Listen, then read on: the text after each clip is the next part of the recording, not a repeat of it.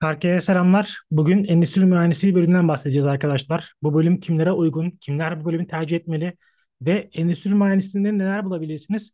Biraz bunlar üzerine soru cevap yapıyor olacağız. Şimdi ilk sorumuz neden bu bölüm? Yani neden endüstri mühendisliği? Şimdi arkadaşlar endüstri mühendisliğinin bence en önemli artısı geleceğin dünyasına, geleceğin mesleklerine bizi hazırlayabilmesi. Yani bugün artık net bir meslek yerine aslında bizim ihtiyaç duyduğumuz şey üniversite bazında bir disiplin sahibi olabilmek. Yani belli disiplinleri nasıl kontrol edebileceğimizi bilmek. Dolayısıyla endüstri mühendisliği bugün pek çok farklı sektöre hitap etmesiyle aslında biraz bunu karşılıyor. Yani şöyle söyleyebiliriz bunu. Sizin 18-19 yaşında üniversiteye girdiğinizde hangi iş yapacağınızı şimdiden kararlaştırmanız mümkün değil. Çünkü dünya çok daha hızlı değişiyor. Gelişen koşullar çok daha farklı imkanları beraberine getiriyor. Dolayısıyla burada şimdiden bir meslek seçmek, böyle bir alana yönelmek, yani bize bir meslek veren alana yönelmek bence çok doğru olmayabilir. Dolayısıyla endüstri mühendisliği bu kısmıyla bence avantaj. Yani hep şey muhabbeti vardır ya hani ne iş yaptığımızı bilsek CEO olurduk zaten muhabbeti. Ee, Biraz bu doğru evet şeker karışık. Öte yandan aslında iyi bir geçerliliği de var. Bizi hazırlaması anlamında. Ama işte bunun da şöyle bir eksisi olduğunu söylemem gerekiyor bu doğrultuda ilerlerken arkadaşlar biraz kendi içsel motivasyonunuz olması lazım. Yani bu bölümde kimse size bir meslek vermeyecek endüstri mühendisliğinde. Sizin kendi iş alanınızı bu İK olur, satış olur, tedarik zinciri olur ya da bu bölümdeki derslerin çok daha dışında bir şey olur. Bunun ne olduğunu sizin tamamen kendi içsel motivasyonunuzla seçmeniz gerekiyor.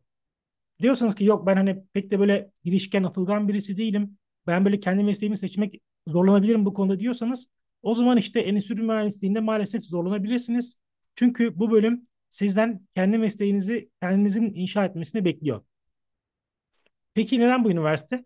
Şimdi burada elbette yoğun olarak iki tane seçenek çıkıyor, karşımıza. Birincisi arkadaşlar halihazırda bu şehirde yaşıyor olabilirler. Üniversitenin bulunduğu şehirdedirler ve bunun için tercih edebilirler.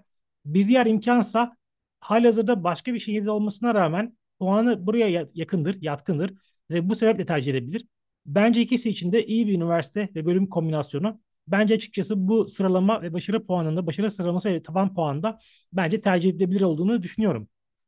Peki üniversitenin artıları ve eksileri neler? Biraz buna bakacak olursak bence en büyük artısı bu noktada akademik kadrosu. Bunun iyi olduğunu ve sizi kendi yolunu çizmek isteyen bir endüstri mühendisi olma yolunda besleyeceğini düşünüyorum. Bu değerli bir imkan. Eksi olarak açıkçası şu anda çok bariz bir eksisi bence yok. Tabii ki zaman içerisinde görebilirsiniz. Gerek üniversite ile ilgili gerek şehirle ilgili bir takım size uymayan şeyler olabilir. Ama bunları o bölümlerden mezun arkadaşlarla direkt konuşmak daha faydalı olacaktır. Çünkü bakış açısı değişebiliyor. Yani kimisi için eksi olan bir şey sizin için o kadar da önemli değil dedirtebiliyor. Peki bu bölümü bitirdiğinizde hangi iş imkanlarını elde edebilirsiniz? Bu aslında biraz birinci sorunun devamı gibi arkadaşlar. Şöyle ki yani karşınızda çok farklı alanlar var. Marka planlama, işte medya planlama, proje, data science işte veri bilimi bir sürü alan var. Burada sizin hangi iş imkanını elde edebileceğiniz tamamen üniversite hayatınız boyunca yapacağınız denemelere bağlı arkadaşlar. Yani burada mümkün olduğunca üniversitenin başından itibaren hazırlık varsa hazırlıkta, bir, ikinci sınıfta bambaşka konularla ilgili yerlerde çalışmanız gerekiyor. Gönüllü olarak da olabilir. Nedir bu? Mesela biz şunu tavsiye ediyoruz mümkün olduğunca. Diyoruz ki 4-5 farklı alanda yönelmeye çalış. Yani STK olsun mesela sivil toplum kuruluşları, mümkünse bir sosyal girişimcilik çalışması olsun.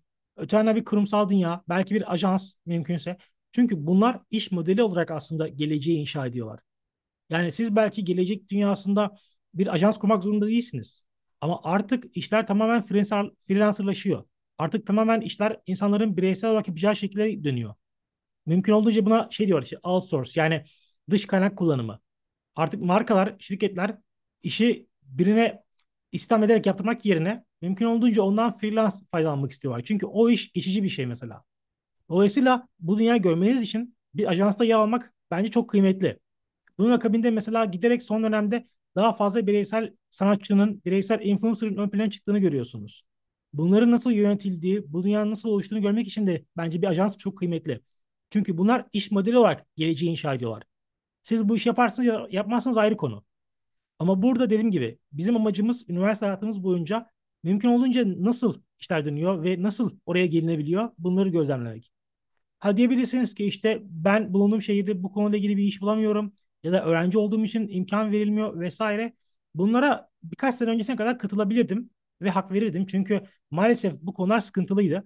Ama arkadaşlar pandemi başından itibaren artık uzaktan çalışmak, internetten çalışmak çok daha yaygın hale geliyor. Ve bunun akabinde artık şirketler üniversite öğrencilerinin hatta lise öğrencilerinin kendi yaşlarından çok daha farklı olabileceğini hatta kendilerinden büyük insanlardan da gayet bilgili, birikimli olabileceklerini görüyorlar. Bu nedenle sizler de aslında kendinizi doğru ifade ettiğinizde ve doğru firmayla, doğru markayla birleştiğinizde, eşleştiğiniz zaman kesinlikle size bir şans verildiğini göreceksiniz. Burada bir diğer nokta staj olanakları. Bu da arkadaşlar aslında şöyle. Türkiye'de maalesef pek çok bölümde buna mühendislikler de dahil gönüllü stajlar çok yaygın değil. Daha doğrusu şöyle yani zorunlu stajlar da çok uzun değil. Gönüllü stajlarda okul çok fazla karışmıyor. Kendisine bu konuda e, soyutla, soyutlaştırıyor diyebiliriz. Dolayısıyla sizin staj olanaklarını biraz kendinizin inşa etmesi gerekiyor. Yani zorunlu staj belli bir süre var ama bu çok yeterli değil. Yani 6 ay hadi olsun olsun 9 ay bazı yerlerde zorunlu staj süresi tüm sene sürebiliyor. Bunlar sizin bir markaya kendinizi ikna etmenize iyi bir olanak değil. Yani üretim stajı yaparak siz bir marka şirketinde, marka ajansında fark yaratamazsınız. Dolayısıyla burada okulun verdiği zorunlu stajın haricinde gönüllü stajı kovalamak gerekiyor. Peki bu size nasıl bir artı sağlayacak? Yani bu size ne getirecek? Aslında bunun yanıtı son sorumuzda gizli arkadaşlar. Yani son sorumuzdaki soru bölüm mezunları için ortalama maaşlar neler? Şimdi bu sizin tamamen üniversite hayatı boyunca neler yaptığınıza bağlı aslında. Yani siz üniversite hayatı boyunca sürekli kendisini yetiştiren biri olarak öne çıkarsanız zaten 3. 4. sınıfta muhtemelen asgari ücret seviyesinde bir işte başlayacaksınızdır. Ki bu da yaşlarınıza göre fena sayılmayacak bir imkan bence bu koşullarda. Bu da aslında mezuniyetten sonra asgari ücretin bir buçuk veya iki katı bir maaşı beraberine getirecektir. Genel ortamdan bahsediyorum.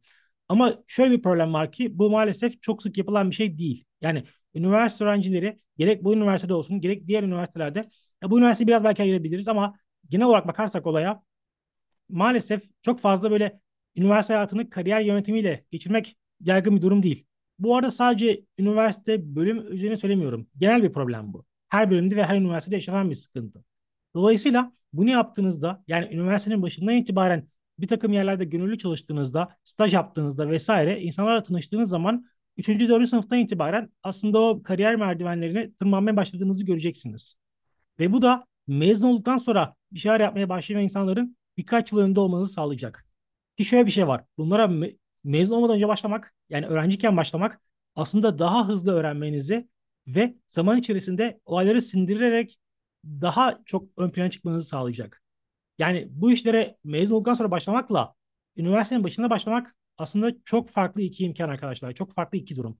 Dolayısıyla bizim önerimiz elbette şu değil bu. Yani üniversite hayatını komple kariyerle geçirmek, sadece kariyer işleri yapmak. Hayır. Tabii ki bu süreçte sosyalleşme ihtiyacımız var. Sosyalleşeceğiz, yeni yerler tanıyacağız, yeni insanlar, tanış insanlar tanışacağız vesaire. Bunlar kesinlikle olacak. Ama bunun akabinde hayatınızın belli bir yerinde de bence kariyer çalışmaları olmalı. Benim alacaklarım genel olarak bu şekilde. Bunların haricinde merak ettikleriniz varsa bize yorum kısmına iletebilirsiniz. Her zaman yanıtlamak isteriz memnuniyetle.